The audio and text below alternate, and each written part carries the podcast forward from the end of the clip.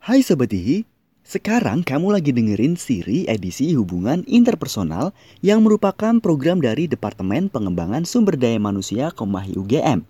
Bakalan ada banyak banget episode ngobrol santuy tentang topik dan tema yang menarik bareng sama teman-teman dari HI UGM yang tentunya inspiratif. Pokoknya bakalan seru banget deh. Stay tune ya.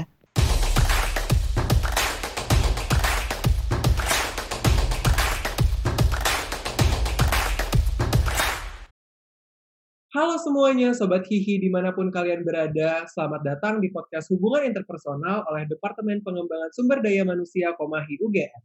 Nah, kembali lagi nih bareng aku, Rafli Warga Negara, untuk ngobrol-ngobrol bersama, berbincang-bincang bersama mahasiswa-mahasiswa HI UGM di episode ke-11, yaitu Mahasiswa HI UGM Jagonya Berorganisasi. Nah, kita udah kedatangan dua tamu nih yang keren banget, satu dari HI 2019 dan satu dari HI 2020. Ada Christina Fanya Winona dan ada Alif Zulfati. Mungkin Fanya dan Alif uh, ingin berkenalan terlebih dahulu, silahkan. Halo Rafli dan Sobat Hihi, uh, kenalin aku Christina Fania atau bisa dipanggil Fanya dari HI 19. Oh ya, terima kasih PSDM buat undangannya untuk ngisi podcast ini. Oke, aku Alif dari HI 2020. Halo juga Sobat Hihi, salam kenal KWN, Faja, dan juga uh, terima kasih atas undangannya. Udah mengundang aku buat ngobrol-ngobrol di sini bareng podcast PSDM. Oke, keren banget. Nah, selamat datang sekali lagi buat Fanya sama Alif. Udah memenuhi untuk datang pada siang hari ini. Uh, ngobrol-ngobrol uh, nih, bincang-bincang tentang suka duka berorganisasi. Jadi kita nih bakal membedah nih kira-kira kita bakal ngomongin tentang manfaat, terus mungkin juga kekurangan, mungkin juga apa sih yang kalian kerjakan dan apa yang kalian lakukan dan benefitnya buat kita bersama selama ber, eh, berkarir dalam organisasi itu sendiri. Untuk sebenarnya memberikan gambaran nih buat teman-teman HI lainnya atau mungkin nanti bakalan ada mahasiswa baru HI 2021 yang pengen tahu gambaran lebih kuat mengenai kesibukan dan produktivitas di dalam organisasi itu ke depannya bagaimana. Nah, mungkin uh, aku mau nanya nih uh, ke Fanya sama ke Alif, kira-kira menjadi bagian dari organisasi itu penting nggak sih untuk keberlangsungan diri kita dan mungkin juga bisa dikasih tahu dulu nih ke teman-teman sobat hihi yang ada di rumah, uh, kira-kira Fanya sama Alif lagi sibuk apa aja gitu. Uh, kalau aku sih dari awal-awal aku dari awal-awal masuk kuliah tuh dulu aku aktifnya di Komahi. Dulu tuh aku nyoba uh, Depor dan juga Sosmas. Sebenarnya masih sih sampai sekarang, cuman nggak terlalu aktif karena aku juga kebetulan lagi uh, ada tanggung jawab lain di uh, organisasi lain yaitu Kastrat Dema dan juga External Affairs Girl Up. Nah di External Affairs Girl Up dan juga Kastrat Dema aku sekarang lagi jabat jadi kadif. Uh, untuk jawab pertanyaannya Rafli soal gimana organisasi bentuk aku, jadi uh, aku nangkepnya uh, aku bisa jadi lebih tanggung jawab aja sih dan lebih profesional gitu. Uh, lebih maksain diri untuk nyelesain tanggung jawab atas pilihan-pilihan yang aku pilih tapi karena pilihan tersebut bersinggungan sama orang lain gitu loh. Jadi aku nggak bisa egois untuk nggak nyelesain kerjaanku karena itu bersinggungan dengan orang lain. Jadi ya uh, despite kesulitan pribadi yang aku lagi hadepin uh, mau nggak mau kerjaan aku harus kelar gitu. kalau Alif gimana Oke, okay, kalau aku mungkin sama kayak kafanya ya, aku juga mulainya banget aku dari magang Komahi sama magang Dema Visipol Terus di semester 2 aku lanjut uh, ke BMKM juga, PSDM BMKM, terus PSDM Dema Visipol. Ada ketambahan eksternal di Sabri juga, sama jadi staff hukum di Hiatus, sama yang lagi aku jalanin banget sekarang uh, itu di staff acara di PPSMB UGM 2021. Nah, kalau soal uh, tadi ya, maksudnya organisasi itu penting gak sih buat ngembangin diri? Kalau menurut aku pribadi, uh, itu penting, tapi bukan satu-satunya jalan gitu. Mungkin teman-teman bisa pilih jalan yang lain juga uh, sesuai passion masing-masing dan mungkin aku ngerasa minat aku di organisasi, makanya aku uh, milih untuk ngembangin diri di organisasi.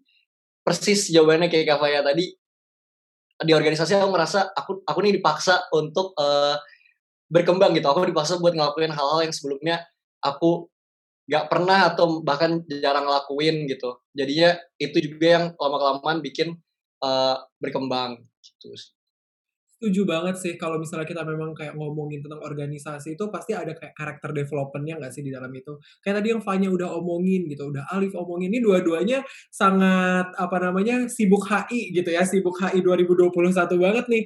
Gara-gara banyak banget memang mahasiswa HI yang uh, setuju gitu atau uh, minatnya banyak ke uh, ranah organisasi itu sendiri. Tapi mungkin tadi Fanya sama Alif udah ngomong nih tentang kayak oh uh, uh, ternyata organisasi membuat kita memiliki karakter development gitu, bertanggung jawab, tepat waktu dan lain sebagainya.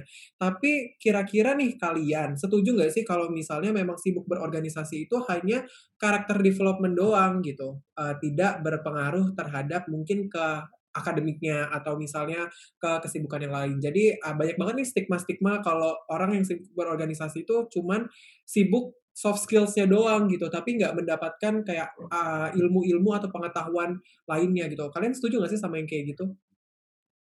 Uh, aku dulu apa Alif dulu nih? Mungkin Alif nih boleh. Aku dulu. Boleh boleh. Ya udah. Uh, sebenarnya nggak juga sih, terutama kalau menurutku tuh apalagi di Visipol dan HI gitu. Mungkin karena memang kita diwadahin kan, dan aku sendiri pribadi uh, cenderung milihnya yang sedikit banyak berkenaan dengan kegiatan akademik, tapi juga nggak tahu juga sih Cuman menurutku nggak selalu gitu. Nggak selalu hanya esensial buat pengembangan diri non akademik. Toh di organisasi juga bisa ngobrol santai-santai gitu soal isu-isu yang sedikit banyak uh, nyinggung sama kegiatan akademik gitu. Kalau dari Alif? Ya, aku juga aku juga ngerasa kayak gitu. Maksudnya field di organisasi itu kan ada banyak apalagi kalau udah di kuliah tuh ya ada kastrat dan lain-lain gitu yang memungkinkan anak HI yang tukang nulis gitu istilahnya untuk bisa nulis juga di ranah organisasi gitu. Nah, tergantung balik lagi uh, option teman-teman maunya milih yang mana, mau pilih yang uh, bisa sejalan sama akademik atau memang yang kayak nggak dipelajarin di akademik gitu. Berarti memang banyak banget ya uh, pilihannya gitu ya, mau yang kayak berorganisasi tetapi ranahnya akademik itu juga ada gitu ya di UGM gitu. Benar. Benar, benar banget. Nah, uh, kalau misalnya nih, uh, teman-teman kan di sini ikut banyak berbagai macam organisasi.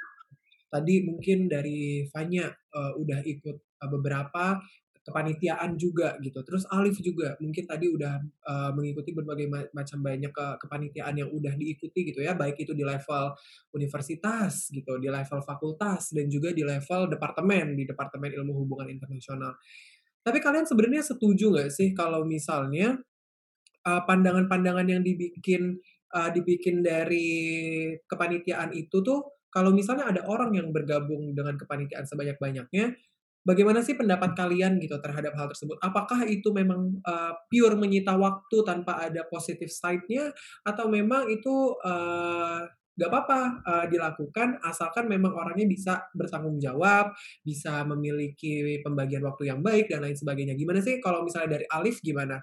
uh, pendapatnya? Oke, okay. uh, kalau buat aku sendiri ya uh, banyak yang organisasi tuh nggak menjamin kita semakin berkembang juga gitu. Uh, lebih ke milih organisasi atau kegiatan yang yang tepat aja gitu buat uh, diri sendiri, buat ngembangin diri sendiri. Cuman kalau trik ini trik aku pribadi ya, trik aku pribadi adalah di semester semester awal aku kayak ya udah cobain dulu deh ikut uh, beberapa gitu, ikut uh, banyak uh, supaya nanti aku kayak bisa bisa nyaring yang kira-kira cocok sama aku tuh gimana yang kira-kira aku interest lebih di sana tuh uh, gimana dan akhirnya itu yang aku seriusin buat ke semester semester depannya gitu sih kalau rencana aku. Uh, kalau dari aku sih sebenarnya aku agak inspired dengan tentang harus organisasi sebanyak-banyaknya nih biar tambah keren gitu pokoknya.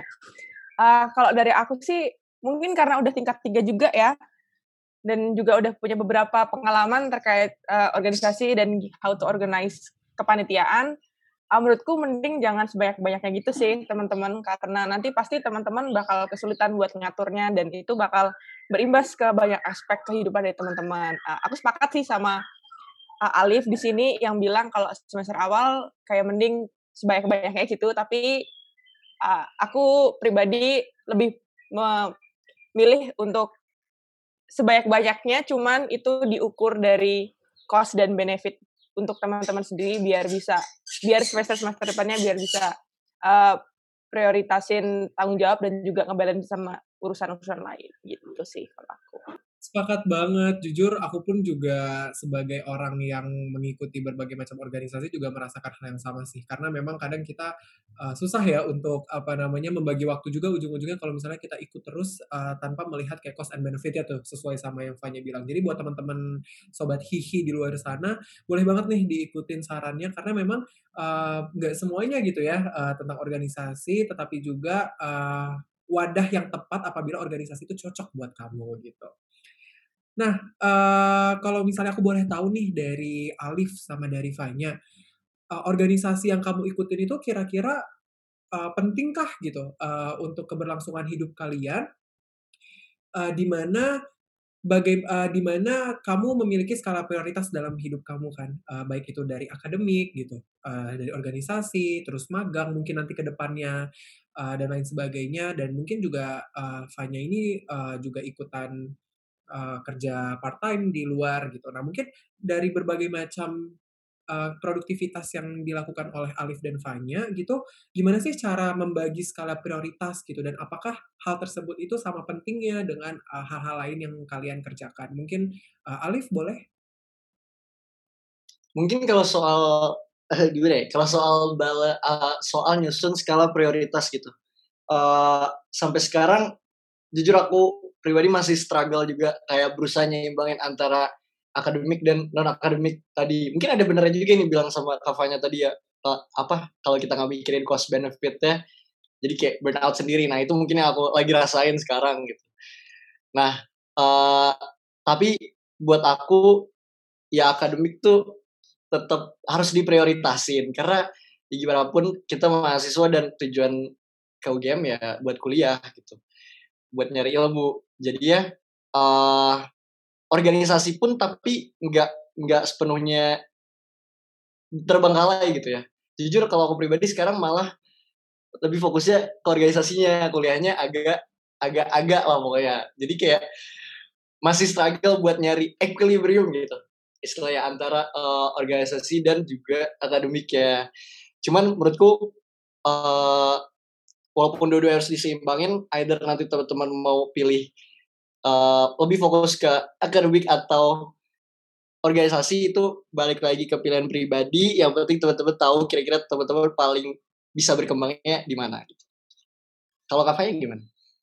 Uh, aku mau ucapin semangat dulu ya buat Alif karena sepertinya udah mulai ngalamin burnout. banget ya Alif. Itu semuanya kayaknya kita yang angkatan tahun ketiga udah mulai merasakan itu semua gak sih, Van? Jadi kalau ngeliatinnya lebih kecil kayak sibuk banget itu aku kayak cuman ketawa gitu loh. Uh, uh, buat aku sih sama kayak Alif, uh, ngalamin lah burnout itu normal karena dipaksakan untuk berkembang jadi kayak menghadapi sesuatu yang nggak pernah kita hadapi sebelumnya gitu. Cuman for me ya urusan kuliah itu urusan akademik sih lebih tepatnya itu lebih utama sih.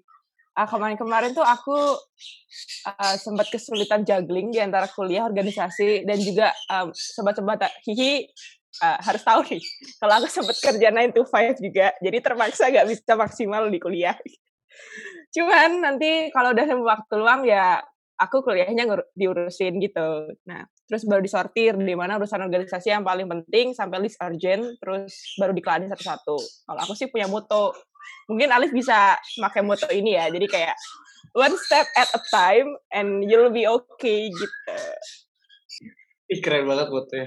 Keren banget motonya banyak. Tapi memang ya, uh, kalau kita udah ngomongin tentang kesibukan nih, uh, udah mulai pada sibuk masing-masing, memang susah banget ya untuk mencapai uh, apa ya menggenggam apa yang ingin kita genggam semuanya gitu. Pasti ada salah satu yang bakal di uh, apa ya sebutannya di anak tirikan gitu atau uh, di dilupakan gitu salah satu. Tapi pernah nggak sih kalian ngerasa mungkin tadi kayak uh, Fanya atau Alif udah ngasinggung dikit tentang burnout itu sendiri. Nah Pernah gak sih kalian ngerasa burnout? Jujur kalau aku sekarang aku lagi ngerasa burnout banget, baik itu di organisasi dan di akademik. Jadi dua-duanya kayak lagi face diam stagnan gitu yang benar-benar nggak pengen ngapain ngapa-ngapain gitu dan dan tapi tetap masih ada tanggung jawab gitu di berbagai organisasi sampai setidaknya di akhir tahun ini gitu. Kalau Fanya gimana Fanya? Kamu ngerasa burnout juga kah? Aduh, kalau cuma berat gak ceritain ya, BN. Itu kayak makanan sehari-hari dah pokoknya, sumpah. Uh, mungkin Sobat Hihi perlu tahu sih, uh, apalagi online gitu tuh bikin tambah burnout aja pokoknya. Karena semuanya tuh online, jadi kita nggak bisa berhenti mikir gitu. Cuman uh, untuk persoalan manajemen time gone bad, itu pernah banget terjadi buat aku sampai aku harus vakum salah satu kerjaan dan terpaksa aku harus delegasiin ke wakilku karena aku nggak merasa mampu untuk megang semuanya di saat yang sama. Tapi dari pelajaran itu aku belajar untuk legowo sih, gitu. Dan belajar untuk nyortir. Mungkin ada pengalaman apa nih dari Alif? Aku juga sama banget kayak kafanya sama KWN. Sekarang lagi di posisi burnout burnoutnya banget kayak aduh nih otak mikir bercabang-cabang gitu. Suruh mikir akademik iya. Bentar lagi mau uas sementara kerjaan juga makin numpuk gitu kayak kerja yang mana dulu gitu bingung. Tapi kalau soal apa uh, time management gone bad pernah banget dan sering. Sekarang juga lagi puncak-puncak ya. Kayak uh, karena mungkin ada satu kerjaan yang aku harus uh, fokus banget sekarang gitu. Uh, jadi ya kayak beberapa kerjaan lainnya uh, malah agak tertinggal gitu. Nah, terus itu yang bikin misal kayak menteri menteri gue sampai ngechat gitu-gitu terus kayak uh, kadifku juga ngechat ada apa lu kenapa gitu-gitu. Nah, aku jadi kayak ngerasa nggak enak juga tapi di sisi lain mau maksain diri juga daripada hasil yang nggak maksimal gitu kan dan pusing di aku ya juga jadi aku milih untuk ya mungkin kalau lagi di posisi time management gone bad tadi ya move back buat beberapa pekerjaan dan uh, kerjain yang emang lagi fokus banget gitu aja. Oke, jadi memang uh, apa namanya? Ini kita udah masuk ke sesi curhat mencurhat ya masalah pengorganisasian ini. Jadi buat teman-teman sobat hihi di luar sana, inilah pentingnya uh, sortir ya, menyortir apa yang kira-kira sesuai dengan kapasitas kita dan menyortir kira-kira apa yang seharusnya yang bisa kita lakukan selama kita berada di organisasi tersebut gitu mungkin aku juga sama gitu ya. Ini uh, apa namanya pembawa acaranya pun juga ikut curhat gitu bahwa uh, kurang lebih sama yang dilakuin sama Fanya sama Alif gitu.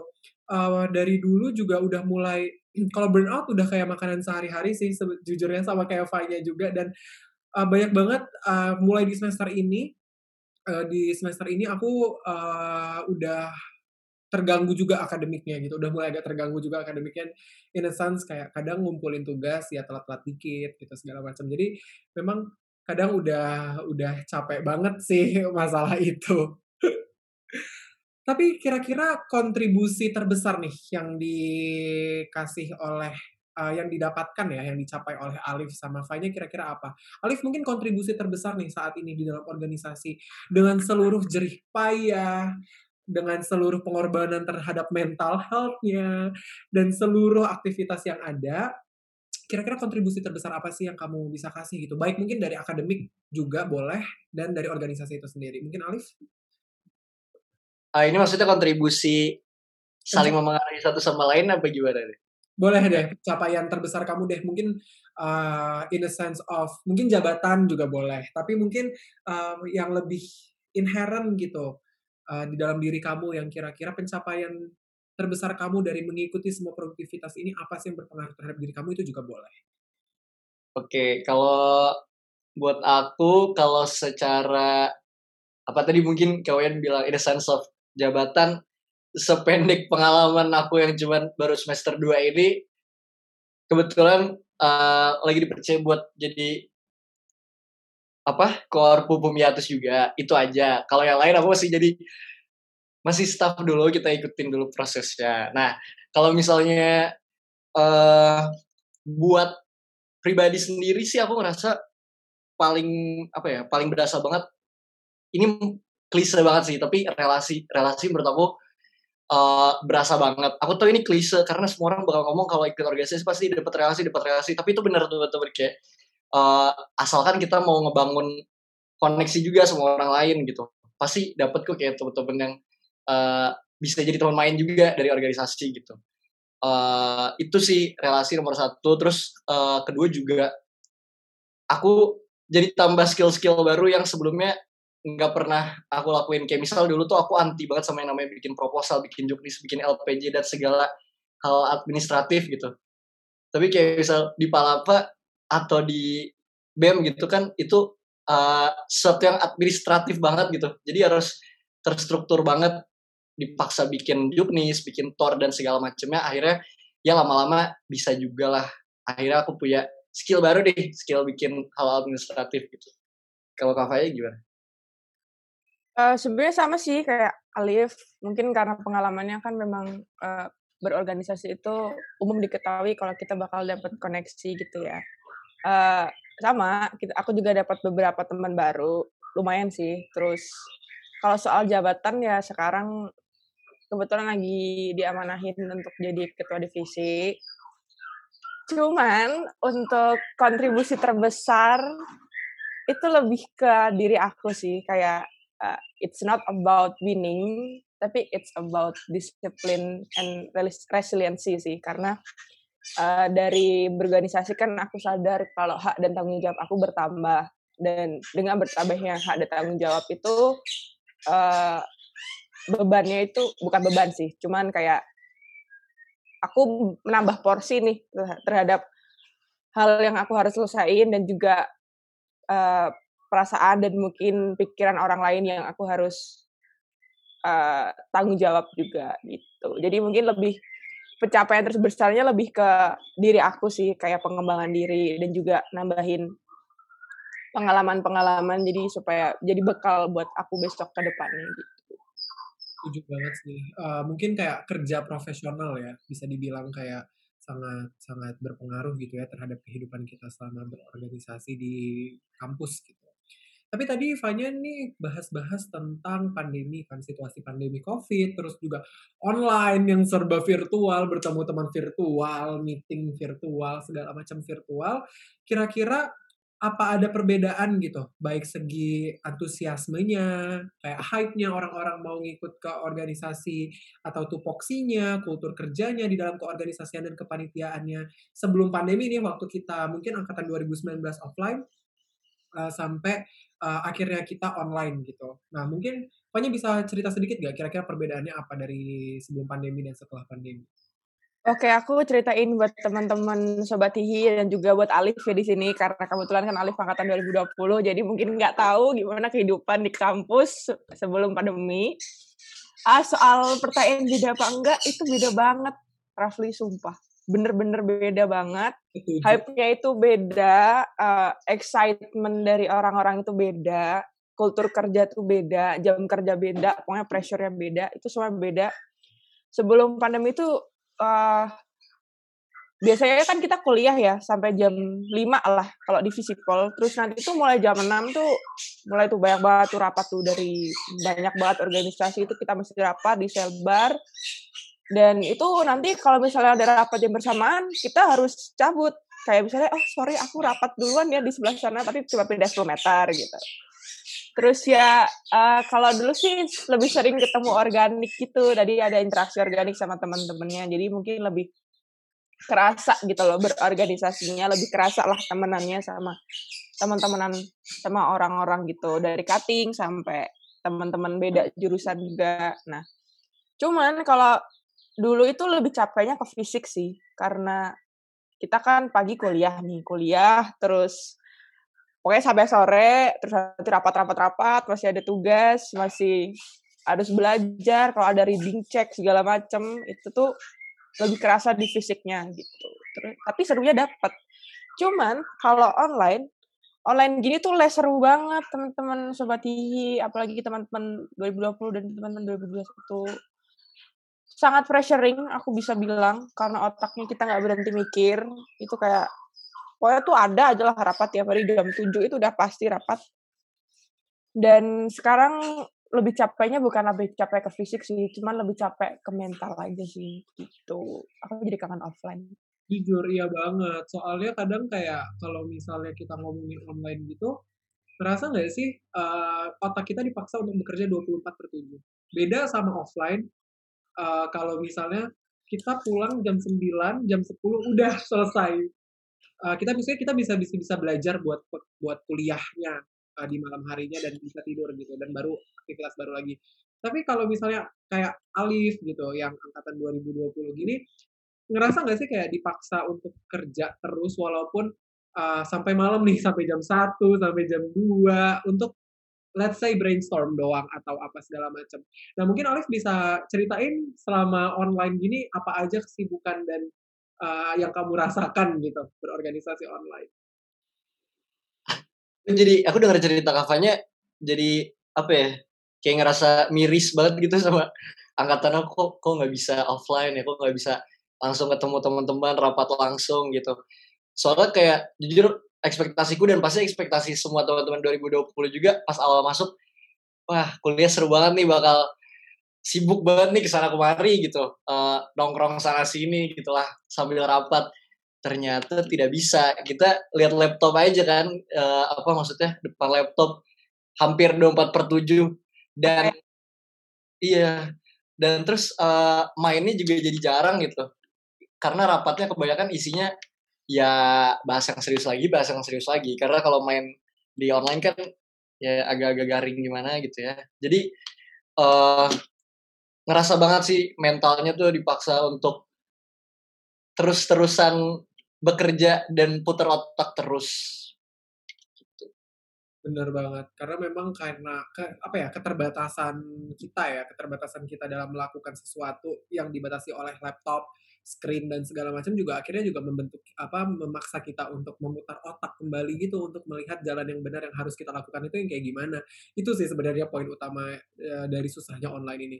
Tapi uh, tenang aja jangan khawatir buat sobat hihi yang di luar sana terutama buat angkatan tahun 2021 nih yang bakal nanti mungkin mau mendengar podcast ini uh, banyak banget nih kiat-kiat gitu. Kiat-kiat tips gitu ya dari Fanya sama Alif uh, untuk mengatasi cara-cara yang tepat dari negativitas gitu, burnout dan peer pressure selama menjuggling kehidupan akademik dan non akademik di kuliah. Nah, kira-kira mungkin dari Fanya sama Alif pernah nggak sih melakukan tips-tips uh, yang kalian akan berikan ke kita semua dan langkah-langkah yang disarankan gitu untuk mengatasi kelelahan secara mental maupun kelelahan secara fisik. Silakan mungkin Alif mungkin kalau tips and trick ala-ala dari aku tadi aku bilang aku sempat bilang juga kayak step back sedikit untuk beberapa kerjaan yang kira-kira mungkin gak terlalu urgent banget uh, atau mungkin masih bisa dikompromikan gitulah jadi uh, kerjaan yang memang harus uh, segera dikerjain tuh bisa didahulukan gitu.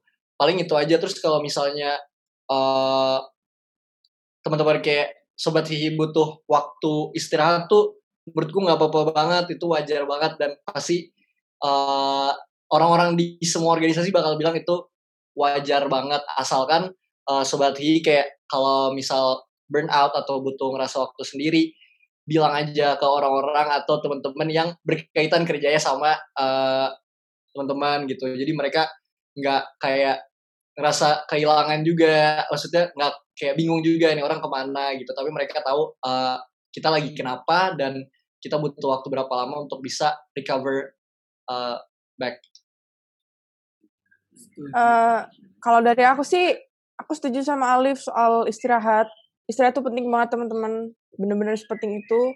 Dan jangan dipaksa kalau emang menurut teman-teman itu udah di luar kemampuan teman-teman gitu loh uh, sesederhana nggak pegang laptop atau menonaktifin sosmed itu udah lumayan membantu kok uh, buat ngatasin burnoutnya. Cuman kalau misalnya dirasa udah parah, nggak apa-apa loh cari professional help karena there's no shame in finding help gitu. Karena itu pen penting banget buat uh, take care of your both physical and mental health gitu. Setuju banget. Karena memang balik lagi sih kalau misalnya kita capek fisik, kita bisa ke dokter. Maksudnya ya jangan sampai ya sakit fisik juga. Tapi kalau misalnya udah sakit mental juga, bakalan berpengaruh juga ke sakit fisik gitu.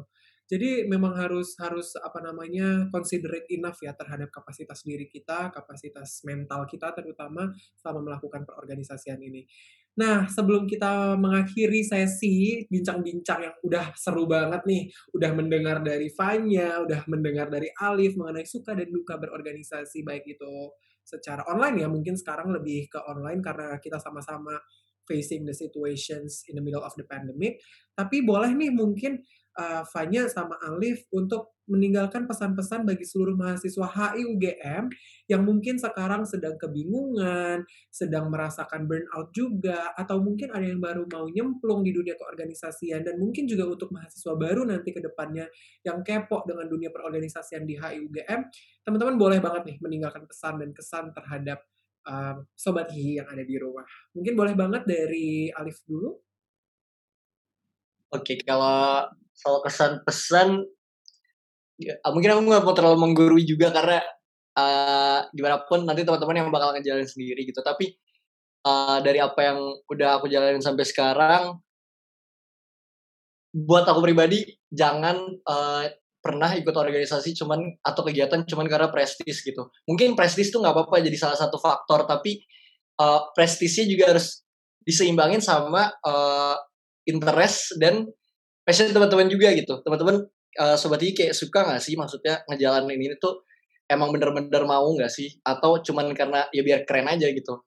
Uh, itu sih paling penting. Jangan cuman karena prestis tapi harus uh, balance antara prestis dan interest kalau dari kakaknya gimana? Kalau dari aku sih sama kayak Alif ya, kurang lebih uh, benang merahnya. Dan di sini aku juga mau menggurui juga untuk mungkin teman-teman baru angkatan 2021 yang bakal jadi maba dan juga teman-teman 2020 yang uh, akan masuk ke tingkat dua dan sibuknya tambah-tambah lagi. Jadi kalau dari aku sih mungkin pesannya adalah um, it's okay to explore gitu loh karena memang kita kan usianya lagi usia-usia explore tuh Cuman uh, I better suggest you to to know your limits and be mindful.